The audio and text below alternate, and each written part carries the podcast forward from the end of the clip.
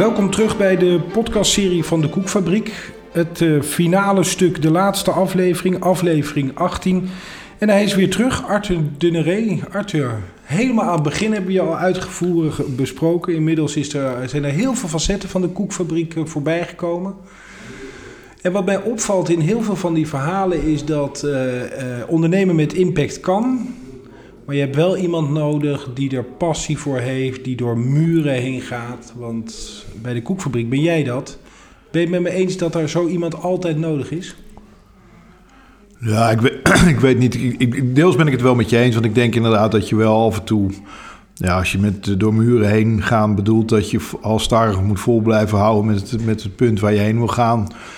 Ondanks dat dat uh, niet altijd uh, dwars door een muur hoeft te zijn. want je kan er ook best eens een keer omheen lopen. Maar uh, een bedrijf is natuurlijk uiteindelijk gewoon elke dag weer een stap verder nemen in, in, in naar je uiteindelijke doel. dan heb je zo iemand wel nodig. Ik denk wel dat de manier van ondernemen bij iemand moet passen. en dit past mij goed, denk ik, als persoon. Ik denk dat er meerdere andere, andere manieren zijn ook om op zo'n punt te komen. Dat niet altijd de manier zoals ik het doe misschien altijd eh, de, de meest handige... misschien ook wel niet de meest praktische is. Maar het is wel een manier. En uh, wat ik in ieder geval denk om antwoord te geven op je vraag... is dat je een ondernemer nodig hebt om dit soort vraagstukken te kunnen aanpakken. Omdat ja, eigenlijk heel veel van die maatschappelijke uitdagingen die we nog steeds hebben vaak oplossingen bieden door er wat op een ondernemende manier naar te kijken. Maar waarom, waarom ik het ook vraag is, uh, we hebben het helemaal aan het begin gehad over jouw evangelie. Hè? Als iedere MKB'er iemand aanneemt met afstand tot de arbeidsmarkt, dan is het probleem opgelost. Ja. Ik denk dan, als ik het alle verhalen op een rij zet van de afgelopen afleveringen van de podcast, dat het een lastig evangelie wordt, omdat ik denk dat heel veel mensen daar helemaal niet toe in staat zijn om op deze manier te ondernemen. Nee, maar goed, eh, kijk, het evangelie, althans de oplossing dat je elke MKB'er uh, één iemand een kans geeft, betekent niet dat iedereen daarmee een sociaal bedrijf aan het opstarten is. Hè? Want dat betekent eigenlijk gewoon dat mensen in hun, in hun bedrijf, waar, waar, waar ze soms al jaren of misschien al, al generaties aan het draaien zijn, gewoon ook een andere doelgroep de kans geven binnen hun eh, personeelsbestand. En dat is op langere termijn denk ik de oplossing. Daar, daar willen wij een voorbeeld in zijn, in dat het kan. Wij doen dat op, op een grotere schaal. in ehm, extreme mate. In extreme mate misschien ook omdat we vooral, hè, dat is de andere doelstelling natuurlijk uh, van, het, van het evangelie, is prediken dat uh, de, de startende ondernemers, dus de, de generatie die er nu aankomt, prima een onderneming kan opbouwen met andere doelstellingen dan alleen winstoptimalisatie. En die twee zijn natuurlijk twee verschillende zaken. Want de oplossing van het huidige probleem is te zorgen dat alle bestaande MKB-bedrijven die misschien uh, niet op sociale grondvesten zijn gebouwd, zelfs helemaal niet op sociale grondvesten, maar een heel klein beetje socialer worden door zo iemand een kans te geven. En nogmaals, dat is ook niet om het te bagatelliseren, want ik denk dat er zeker veel familie-MKB-bedrijven zichzelf eh, al lang in die, in die rol hebben gepositioneerd. Alleen daar zelf niet zo mee bezig zijn. Dat en dat niet zo benoemen. Nee, die, die, die, die, zien dat gewoon als iets wat. Het mooie voorbeeld is dat ik ga elk jaar gelukkig in een klein plaatsje in Oostenrijk altijd op wintersport. En daar, daar is een spar. En daar is een dame die er werkt, heeft een jongetje met een Down-syndroom gekregen. En die jongen is gewoon na zijn achttiende daar aan het werk gezet in die spar. En die, eh, die helpt daarmee, vakken vullen en dergelijke. Dat, ik denk niet dat eh, als ik daar aan een van de ondernemers, van dus de, de exploitant van die Spar vraag van... doe je dat nou omdat je daar heel veel impact mee creëert of zo? Nee, dat vindt hij gewoon zijn verantwoordelijkheid. Hoort er gewoon bij. Ja, en dat, was van, dat is een anglo-saxische cultuur die ook meer heerst. Hè? Dus Amerika, Engeland wordt dat veel normaler gevonden. En het is een beetje hetzelfde als, uh, kijk, 40 jaar geleden... Uh, of 50 jaar geleden misschien, werd, er, ging, werd er voor ons 18 jaar gezorgd tot en met dat we de luiers uit waren en voor onszelf konden zorgen. En zorgden wij voor onze ouders de, de laatste 2, 3, 4 jaar van hun leven op het moment dat ze dat nodig achten, hadden. Dat is natuurlijk door ja, een verzorgingsmaatschappij die soms een beetje is doorgeslagen, volledig van ons weggeraakt. Omdat we vinden dat alles wat maar enigszins een luchtje heeft waar we geen zin in hebben, dat moet de overheid maar oplossen. Maar dat is, de overheid is natuurlijk ook gewoon een gemeenschap. En uiteindelijk is het gewoon ook onze problematiek. Dus als we daar nou gewoon wat simpelere manier over nadenken en, en ook vinden dat dit gewoon normaal zou moeten zijn. En dan ga je heel veel van dit soort problematiek uh, een plek geven. Maar in feite kun je het dus afpellen en zeggen van ja, als je echt een, een, een, een, onderneming start, start met dat idee van ik wil uh, maatschappelijke impact creëren, dan is het misschien ingewikkeld. Terwijl als je het afpelt en zegt van iedereen, iedere MKB'er doet het voor zich, één iemand, dan is het niet zo ingewikkeld. Nee, want kijk, als jij van je 25 werknemers eentje hebt met een randje, en nogmaals, dat hoeft niet altijd meteen iemand die een hele zware beperking heeft, maar of, verleden heeft of uh, de taal nog niet helemaal goed spreekt, maar gewoon daarmee nadenkt over wat zou zo iemand een plek kunnen hebben binnen mijn bedrijf. En vaak zijn er genoeg werkzaamheden te bedenken die dat prima bij passen. Dan uh, kun je zo iemand wel een kans geven. En, en ik denk dat als je gemiddelde MKB dit vraagt, hangt natuurlijk altijd een beetje van de soort van onderneming af. Maar die zegt, nou ja, inderdaad, als ik heel eerlijk ben, dan, eh, dan heb ik genoeg werkzaamheden waar ik zo iemand best een kans in kan geven. Als mensen nou uh, daar informatie over zouden willen hebben, gewoon even naar de site gaan, de koekfabriek.com, berichtje sturen. Hoe uh, werkt dat? Ja, dat kan. En dan verwijzen wij ze meestal door. Want dat is de een van de andere vragen. Want ik, ik heb heel lang ben ik in de veronderstelling geweest dat, dat eigenlijk heel veel MKB'ers daar helemaal geen zin in hadden. Nou, heel veel MKB's die zijn zich best bewust van hun verantwoordelijkheid in deze. Alleen onze regelstructuur van ons land, waar natuurlijk vaak over wordt gesproken, behelst dat op het moment dat ze daar actie in gaan ondernemen, dan worden ze overspoeld met allerlei vragen en opmerkingen en, en afkortingen waar ze helemaal geen weet van hebben. En haken ze eigenlijk weer snel af. Uh, terwijl uh, je het om zou moeten kunnen draaien. Zich luisteren, als iemand gewoon een werkplek heeft, dus werk kan bieden, laat hem gewoon vragen aan die werkgever wat hij moet doen. Begeleid iemand die dat nodig heeft in dat werk, maar laat die werkgever daar verder met rust.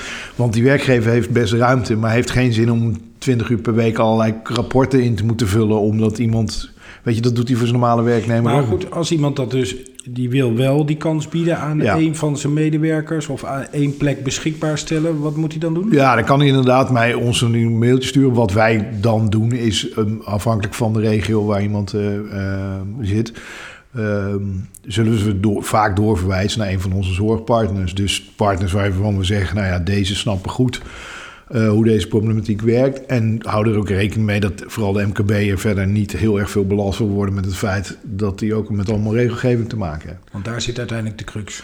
Voor, ja, wat, wat mijn ervaring is, dat nogmaals, ik, ik ben in de loop der jaren dacht ik altijd ook uh, dat, dat er een, een, een, een, een hiccup zat bij bij het feit dat de commerciële, dus MKB'ers, eigenlijk daar niet op heel erg zaten te wachten. Er zullen er ook zeker een hoop zijn die daar ook niet op zitten te wachten. Maar heel veel die ik spreek, die zeggen eigenlijk, ja, weet je, als je het zo plat slaat dan vind ik het eigenlijk prima om zo iemand uh, zo'n een kans te geven. Maar daarbij, degene die het dan vaak hebben gedaan, die zeggen ja, dan krijg ik vervolgens een jobcoach en die begint allerlei informatie aan me te vragen. En ik krijg, moet allemaal loon dit en loon dat. Weet je, het zal allemaal wel. Ga, kom gewoon werken. En als ik daar een belastingvoordeel mee heb, of als ik daar, als dan blijkt dat ik uh, deel van zijn loon, omdat hij minder uh, niet fulltime kan werken, wordt betaald nog door de overheid, allemaal prima. Maar voor mij daar niet meer last. Nee, laat iemand anders dat regelen. Ja, dat kunnen die zorginstanties dan mee helpen? Ja, die, die begeleiden dat vaak. En dat, dat noemen we in Nederland uh, jobcoaches. Hè. Zoals ik al in de voorste uh, uitzending heb gezegd, leek me, ben ik de voorstander om het inderdaad naar een voorbeeld van Start Foundation, Open Hiring, het meer life coach noemen. Oftewel, begeleid die mensen binnen een bedrijf, maar probeer daar gewoon de werkgevers zo min mogelijk mee te belasten. Kijk, dat bij een, een corporate, die hebben gewoon een HR-afdeling... en er zit iemand voor die dat helemaal kan begeleiden. Maar bij een gemiddeld bedrijf waar 20, 30, soms tot 100 man werken... die hebben helemaal geen HR-afdeling. Dat is gewoon... Misschien één iemand. Ja, één iemand die deels dat een beetje begeleidt... maar vaak is het meer een... Uh, bedrijfsleiderachtig iemand die de roosters maakt... maar die houdt zich niet de hele godganse dag bezig... met uh, wat er bij iemand uh, leeft, zeg maar. Maar de mogelijkheden zijn er. Neem contact op met de, de koekfabriek. Dan kunnen jullie altijd weer doorverwijzen. Absoluut. Um, de toekomst van de koekfabriek. Ja. Waar, waar gaat het heen? Nou ja, de ambities zijn groot, zoals we al eerder hebben gezegd. Dus uh, kijk, nogmaals, we proberen natuurlijk een... Uh, het koek blijft het middel, maar dat middel is wel heel belangrijk. Want het middel zorgt, het middelkoek zorgt ook voor veel arbeid. En ook op grotere schaal kunnen we natuurlijk veel meer arbeid bieden. En uiteindelijk uh, proberen we natuurlijk een substantieel deel van de koekmarkt uh, binnen onze gelederen te krijgen, waardoor we gewoon heel veel mensen aan het werk kunnen krijgen. Maar ook daarmee een voorbeeld kunnen zijn voor andere ondernemers. Maar is het, ehm, eh, ik heb er eerder in een eerdere aflevering over gehad, bijvoorbeeld, er wordt alweer gesproken over wellicht wel economische crisis. Is het, een, is het al een, een economisch tegenwindbestendig bedrijf? Ja, ik denk het wel. Kijk, eh, het, het, dat vind ik, eh, dat, dat is niet van tevoren zo bedacht. Maar koeken heeft natuurlijk als bijkomstig voorbeeld, voordeel, net zoals koffie. Dat, uh, dat zit zeker in ons land er zo ongelooflijk ingebakken. Dat je koek met, met koffie met koek, weet je, als je een restaurant komt waar je geen koek krijgt bij de koffie, dan, dan word je in Nederland word je wel echt afgemaakt. dan heb je de laatste klant gehad. Ja, dan, dan loop je gasten vrij snel weg inderdaad. Uh, dus het zit gewoon heel erg gebakken in onze cultuur. En uh, ja, dat, dus koekjes zullen altijd gegeten blijven worden. En die markt is, uh, wat ik ook wel eens eerder heb aangegeven... in Nederland wordt er uh, eh, 600 miljoen aan koeken per jaar geproduceerd in euro's. Dus nou, laat daar, weet je, onze ambitie is om daar een paar procent van binnen te halen. Dus laat die hele markt met 10% inzakken. Dan, dan hebben we nog steeds een gigantische markt. En ik zie dat niet zo heel snel gebeuren, want dat is laatste decennia nog nooit gebeurd. Dus ja, niet staat een succesvolle toekomst van de koekfabriek in de weg. Nou ja, in zoverre. Ga ik dan weer te ver? Dat, dat, ja, misschien is dat, eh, ja. qua product, daar zie ik niet het probleem. Wat je natuurlijk wel gaat krijgen, is dat uh, dit heeft, eh, zoals ik net al aangaf, gaf, uh, onze, onze zorgpartners, die dus dit begeleiden, die zijn wel afhankelijk van gemeenschapsgeld. Nou ja, goed, daar weet je natuurlijk in crisis of in tijden dat. Ehm, dat er bezuinigd moet worden, waar nu bijvoorbeeld op de zorg gigantisch bezuinigd moet worden, is de vraag hoeveel begeleiding is er dan nog? Um, ja, dat, dat kan, dat, dat levert indirect voor een bepaalde doelgroep die bij ons werkt gevaar op. Een ander deel uh, is ook dat we weten dat op het moment dat de crisis, dus als er weer economisch slechter zou gaan, dan, ja, dan, dan weet je dat de, uh, de vraag naar arbeid ook meteen weer terugneemt. Nu is de vraag naar arbeid heel groot. Dus uh, ja, dan ga je ook naar oplossingen zoeken die misschien buiten het normale straatje vallen. Maar goed, als ja, de, de, de, de, het aanbod heel veel groter is, dan zullen er veel partijen toch ook kiezen voor de makkelijke weg. Dus wat dat betreft is het natuurlijk wel uh, gevoelig voor conjuncturen, laat ik het zo zeggen. 46? Ja. Hoe lang uh, blijf jij nog bij de koekfabriek? Uh, morgen? Nee. ik word maandag 47, maar Um, nee, voorlopig, uh, ik, ik heb mezelf behoorlijk voorgenomen om wat niet geheel in mijn ondernemersstrategie past tot nu toe, is me wat meer gaan focussen op bepaalde zaken. Ik heb natuurlijk al, wat ik al meldde, een aantal bedrijven opgezegd. Maar de koekfabriek krijg ja, dat ligt wel heel dicht naar mijn hart. En, en dat is ook gegroeid, omdat ik dat, weet je, het is dat zijn meestal de beste ideeën, of in ieder geval de beste ondernemingen, als ze een beetje groeien uit een soort onderbuikgevoel en eigenlijk niet, in beginsel niet al te veel structuur hebben en dan vervolgens blijkt toch heel succesvol te zijn. Dan, uh, ja, dan, dan ben je iets aan het bouwen waar je, waar je heel trots op kan zijn. En, uh, en nou ja, goed, wij zijn dat ook al nooit begonnen om te denken dat we weet je, een miljoenenbedrijf zouden bouwen. In ieder geval niet uh, qua dividenden of inkomsten ja, dat geeft soms ook wel wat rust. Want daardoor hoef je sommige dingen wat minder straffe beslissingen te nemen. Omdat je natuurlijk in een basis gewoon in eerste instantie groei, groei, groei. En dat betekent gewoon daardoor meer arbeid. Maar goed, dus in beginsel niet altijd meer winst. Maar vraag, eh, wat, waar wil ik heen? Ik denk dat mijn focus de koekvoering moet zijn. Ook omdat ik een van degenen ben die denk ik het evangelie probeert zoveel mogelijk over de bühne te krijgen. En dat is een van de belangrijkste dingen wat we eigenlijk ook doen met de koekfabriek. Want wat ik ook al zei, die 500 eh, of 800.000 man die gaan we niet met de koekfabriek aan het werk krijgen. Maar wat ik, waarom ik het ook vraag is... Uh, in hoeverre is de koekfabriek nu nog afhankelijk van jouw aanwezigheid? Nou, steeds minder, denk ik. Ik, ik denk nog wel, waar het gesprek mee begon, dat ik uh, een aantal muren wel doorbreek. Ik ben natuurlijk al wat ervarener ondernemer, dus het voordeel van onze leeftijd is dat je als je tussen de 40 en 50 zit, dan uh, word je serieus genomen door de mensen boven ons. Nou, bijna geen generatie meer, maar tien jaar ouder dan, dan wij zijn die natuurlijk heel veel in de melk te brokkelen hebben. En die jonge generatie die na ons komt, die kijkt nog tegen ons op en wil heel graag heel hard knallen. Dus je zit in een hele gunstige leeftijd. Uh, maar goed, dat betekent ook in de groei dat ik natuurlijk steeds meer mensen probeer om me heen te creëren. Wat altijd is in groei, en dat heet human capital, wat verreweg het belangrijkste, zeker voor bedrijven zoals de koekfabriek is, waar mensen gewoon gaan acteren op, uh, zonder dat ze mij daar verder bij nodig hebben, zeg maar. En werk je daar ook doelbewust naartoe? Absoluut, absoluut, tuurlijk, want... Uh, ja, kijk, deze groeiambitie, uh, hoe, hoe, hoe, graag ik dat misschien ook zo bewerkstelligen, want dan kun je veel onder controle houden, maar die ga ik nooit in mijn eentje bereiken. En uh, dat is ook helemaal mijn intentie niet. Ik denk dat dit zo'n dit een dergelijk soort bedrijf, bij uitstek een bedrijf is waar je met z'n allen zegt: kom, uh, dat is het puntje waar we heen gaan. En uh, links of rechtsom, we gaan heen en uh, we gaan knallen. En dat is leuk zo, wat, wat, dat vind ik het allerleukste. Maar denk je ook wel eens stiekem weer, want je hebt hoeveel bedrijven had je opgezet? Acht of zo? Succesvol? Nee. Meer? Een stuk of twintig. Twintig?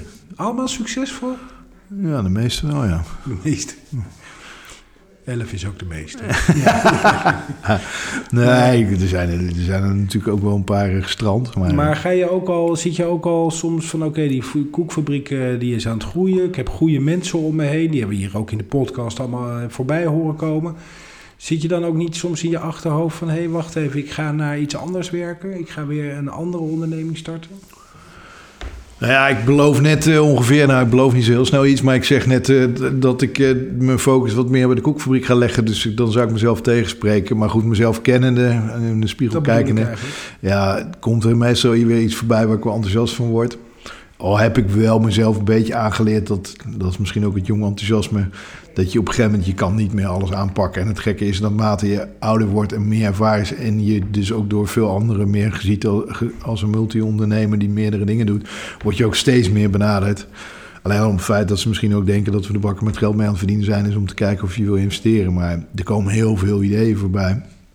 En daarvan zijn er een hele hoop waar ik best enthousiast van kan worden. Maar ik, ik heb steeds minder moeite om na een uur te zeggen van... nou, ik vind het een fantastisch verhaal, leuk. Ik zou er een heel mooi bedrijf van maken als ik jullie was. Maar uh, ik ga me tot hier is mijn bemoeienis. En als je nog advies nodig hebt, dan hoor ik het graag. Maar ik kan het prima van me afzetten, zeg maar. En hoe belangrijk is dan dat een bedrijf als de koekfabriek in je hart zit? Nou, ik denk dat elk bedrijf wat je opzet...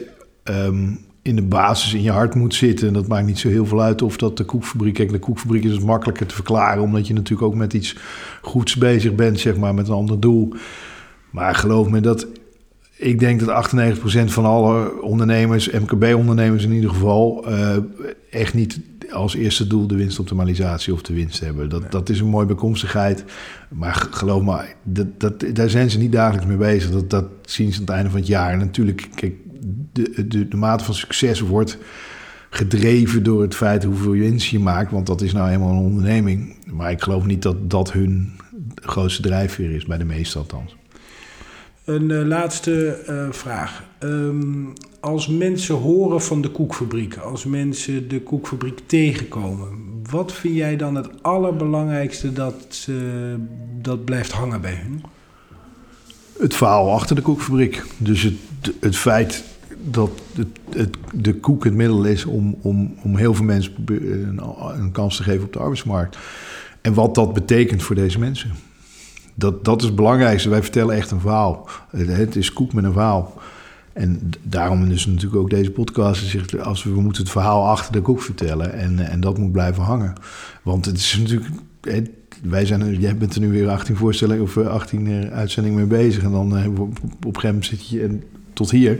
En dan ben je thuis en denk ik, ga in ieder geval een weekje niet over de koekfabriek nadenken. Nou, wij, wat ik heel logisch vind, want de koekfabriek is niet een top of mind voor de meeste mensen. En ik denk door het product wel zichtbaar en heel herkenbaar te maken, wordt er steeds vaker komt het top of mind. Oftewel worden mensen weer in het, oh ja, dat is koekfabriek. Oh ja, we moeten mensen een kans geven.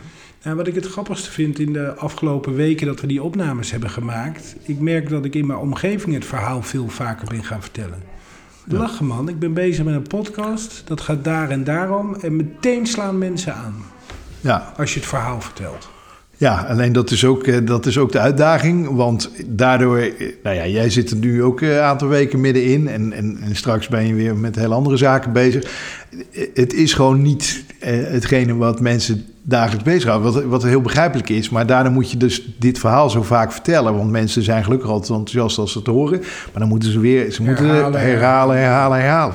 En dat doen we natuurlijk ook door een product eh, een, een, een merk te bouwen. Waardoor je heel vaak herinnerd wordt aan dit verhaal. Ja.